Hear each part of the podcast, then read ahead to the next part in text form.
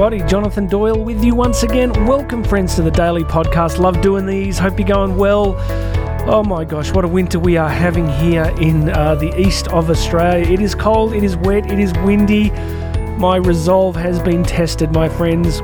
Many of you know how much training I do but uh, it's just been it's been tough dodging the polar bears at 4 a.m. But uh, wow, looking forward to summer. Isn't that part of the human experience? It's uh, it's seasonal, isn't it? We go through seasons in our lives, just uh, just as we go through seasons in the physical world.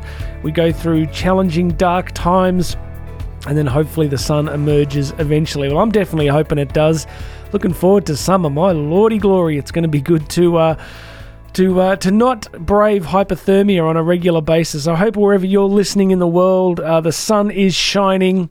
If it's not, then uh, I don't know. Maybe change the the picture on your desktop and uh, and get some get a nice snapshot of sunny Acapulco. My kids always say they go, Dad, where are you going? I go sunny Acapulco, and they go, what, what, what does that mean? Is that like a dad joke? Some of you know what I'm talking about. Place where the sun shines, friends. That's where we're heading today on the podcast. We are going to go to a place where the sun shines together. Please make sure you have subscribed. Hit that big subscribe button. You know I love it when you do.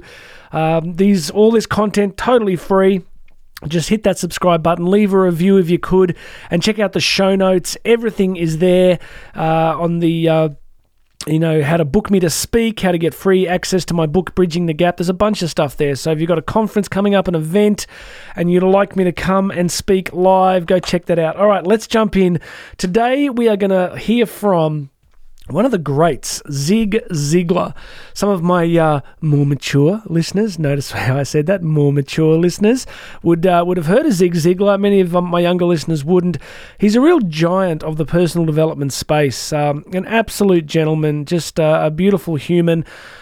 I think he went home to Jesus maybe about 10 years ago, would be that long, um, but a real sort of founding figure of I guess, the personal development movement in the late 1980s and then through into the 21st century, and just a lot of wisdom, um, a beautiful belief in people. And I love this quote from him today because I think it's, uh, it's got a lot for us. Listen to what he says.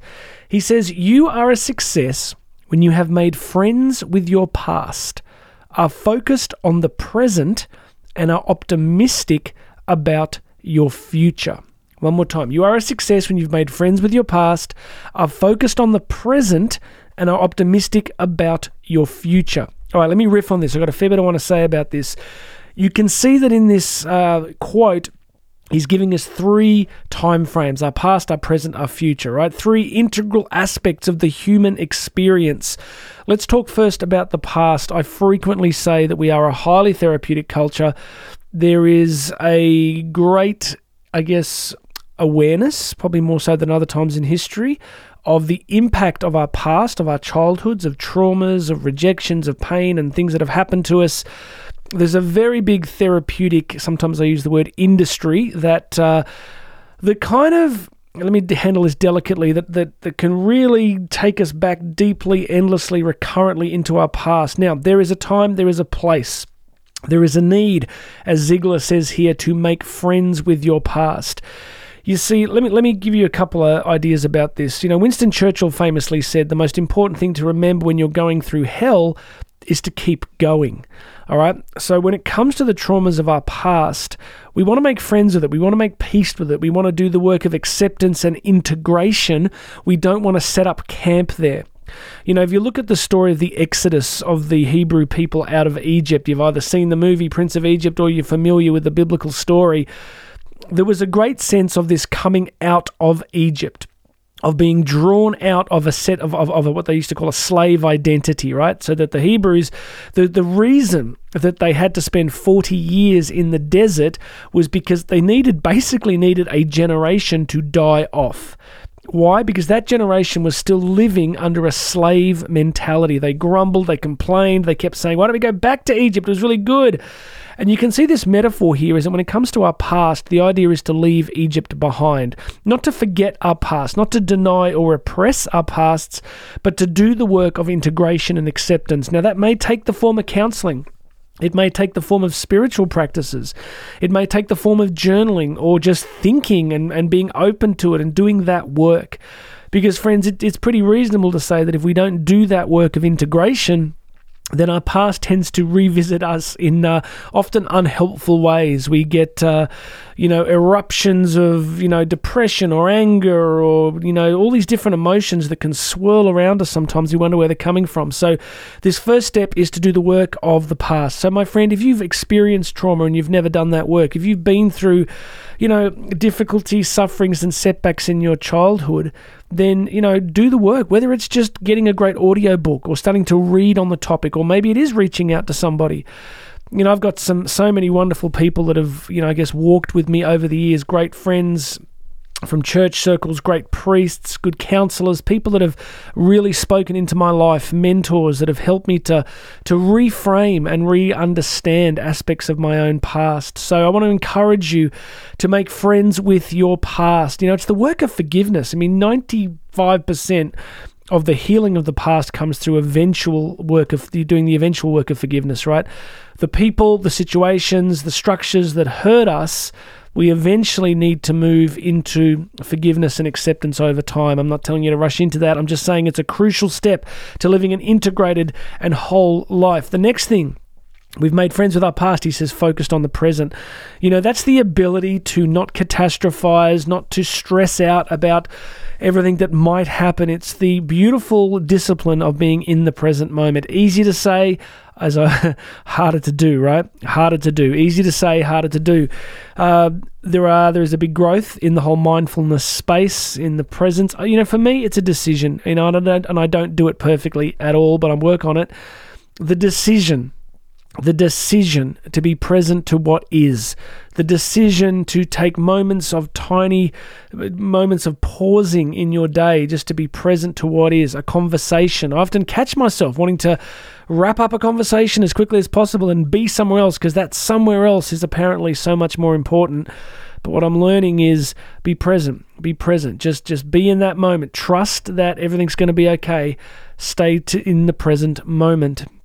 So there's again, there's plenty of resources, isn't there? There's about you know a billion videos, podcasts, and books that you can access to be more present. Uh, for me, often it's forms of meditation and prayer that slowly teach me to to relax a little bit into the present moment. So, friends, what have we done? We've talked about the past. We've talked about the need to be present to what is and not catastrophize too much.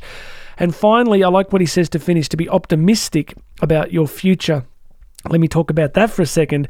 Friends, if you have been paying attention, as I often say, it has been a rather tumultuous few years. Huge numbers of us have been negatively impacted by uh, massive government overreaction to uh, the situation that we've been through, uh, locked in our homes, uh, basic human and civil rights massively repressed uh, huge financial damage caused. So many of us at the moment, you know, is at the time of recording, we've got huge issues taking place still around the world. We have conflict, we've got political issues, we've got financial issues. So let's talk about optimism for the future. Why would you be? Let me say this it's a decision. I have learned this the hard way. Some of us are born optimistic. Uh, my youngest daughter is on school camp. Yeah, we're going to pick her up today. And um, she is Miss Sunshine. She is just happy with people all the time, everywhere.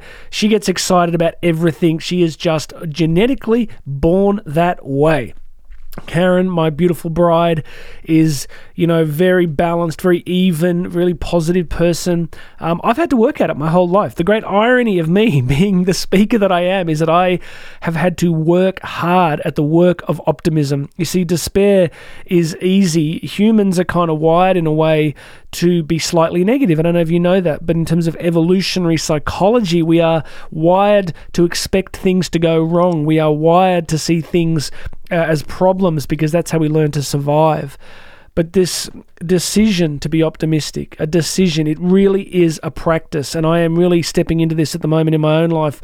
Uh, uh, the awareness that a lot of these outcomes that we are chasing, they are outcomes that happen because you have to practice them. So I often say to people that for me, training is easy. Running, cycling, weights, all of that stuff is straightforward because it's a program. It's do this now, do that. But I have had to work hard at the realization that things like optimism are a practice. They're a mental, psychological discipline, the same way that running is a discipline. So, friends, join me on this journey. I have to practice it. You have to practice it to choose to be optimistic. And some people go, well, look at the world around us. It's terrible. I go, you know what? It's, it's not great. But, you know, if you'd been in, you know, Tokyo at the end of the Second World War, that would be pretty bad. If you were in Dresden during the Second World War, that'd be pretty bad. If you were in Rwanda at the end of the 20th century, that would have been really bad.